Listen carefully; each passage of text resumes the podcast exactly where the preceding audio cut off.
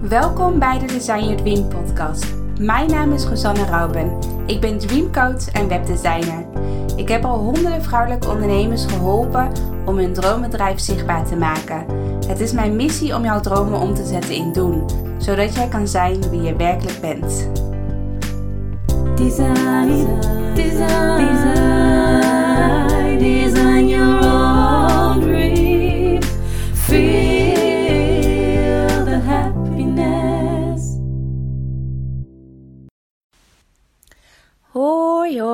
welkom bij een nieuwe podcast. In deze podcast wil ik het hebben over eh, je bedrijf meer automatiseren.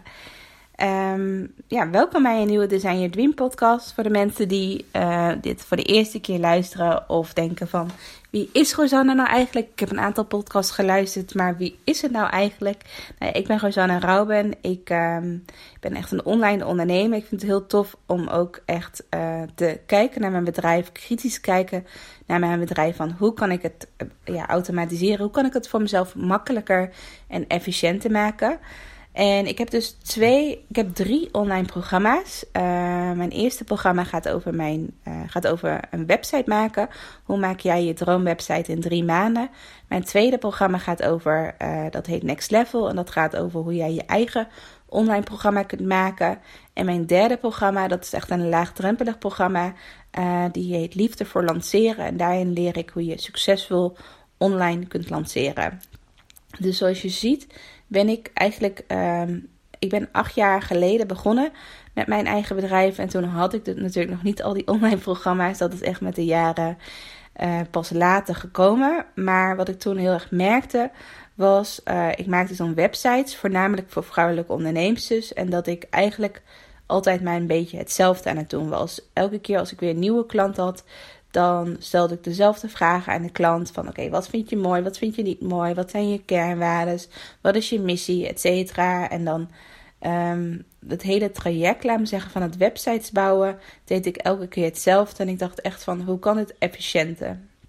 Hoe kan dit makkelijker, waardoor ik niet elke keer dezelfde handelingen opnieuw hoef te doen? En um, ik heb mezelf al een paar keer als voorbeeld genomen. Maar ik dacht, ik vind het wel leuk om een keer iemand anders als voorbeeld te nemen. Ik heb een paar weken geleden heb ik een klant geholpen met een VIP-dag. En uh, zij, uh, haar bedrijf, uh, zij is nu event planner.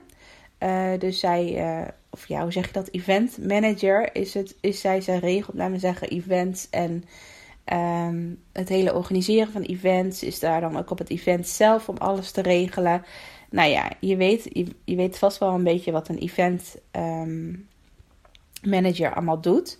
En dat, is, dat was haar bedrijf, of dat is haar bedrijf. Alleen haar grootste struggle was dus dat ze um, eigenlijk altijd druk was. Ze had weinig tijd om ook echt aan haar bedrijf te werken, om dingen te creëren. En als ze dan keek aan het einde van de maand van wat had ze dan allemaal verdiend of wat, wat was haar omzet, dan was het eigenlijk best wel weinig terwijl ze zoveel uren werkt. Omdat je als je een event organiseert, nou voor de mensen die een, wel eens een event hebben georganiseerd, weet je dat daar gewoon heel veel bij komt kijken. Heel veel ook van die kleine lullige dingetjes. Bijvoorbeeld zoals je begint met een locatie uitzoeken. Je bent bijvoorbeeld zo een dag bezig in Nederland om allemaal locaties te bekijken. Dan bijvoorbeeld uh, met de voorbereidingen. Dus bijvoorbeeld stel je voor dat, je, dat iedereen een badge krijgt, zo'n naambordje krijgt. Dan moet je dat allemaal uh, handmatig, al die papiertjes in die badges schuiven. Uh, stel je voor dat je een goodiebag hebt, dan moet je die goodiebags allemaal gaan vullen. Het zijn echt allemaal van die dingetjes waar je onbewust heel lang mee bezig bent als je een event gaat organiseren. En dat deed zij dus allemaal voor, voor haar opdrachtgevers, deed ze dat allemaal, al die kleine kleine lullige dingetjes, om het zo even te zeggen. Dat deed ze dus allemaal. En uh, eigenlijk haar uurloon paste daar dan niet meer bij. Dat ze dacht van oké, ik heb echt het gevoel dat ik echt me. Dat ik echt heel hard heb gewerkt om dit event helemaal voor elkaar te krijgen. En dan nog het event zelf. Uh, maar als ik dan kijk wat ik, er, wat ik overhoud aan het eind van de maand, dan is dat super weinig. Dan ja, dat klopt gewoon niet. Dus ik dacht, dus ik vroeg aan haar tijdens de VIP-dag van waar krijg jij nou echt, waar krijg jij de meeste energie van? Als je kijkt naar dat hele uh, het event organiseren op de dag zelf, welk onderdeel van jouw dienst, van wat jij aanbiedt, welk onderdeel vind jij het allerleukste om te doen? Waar krijg jij de meeste energie van?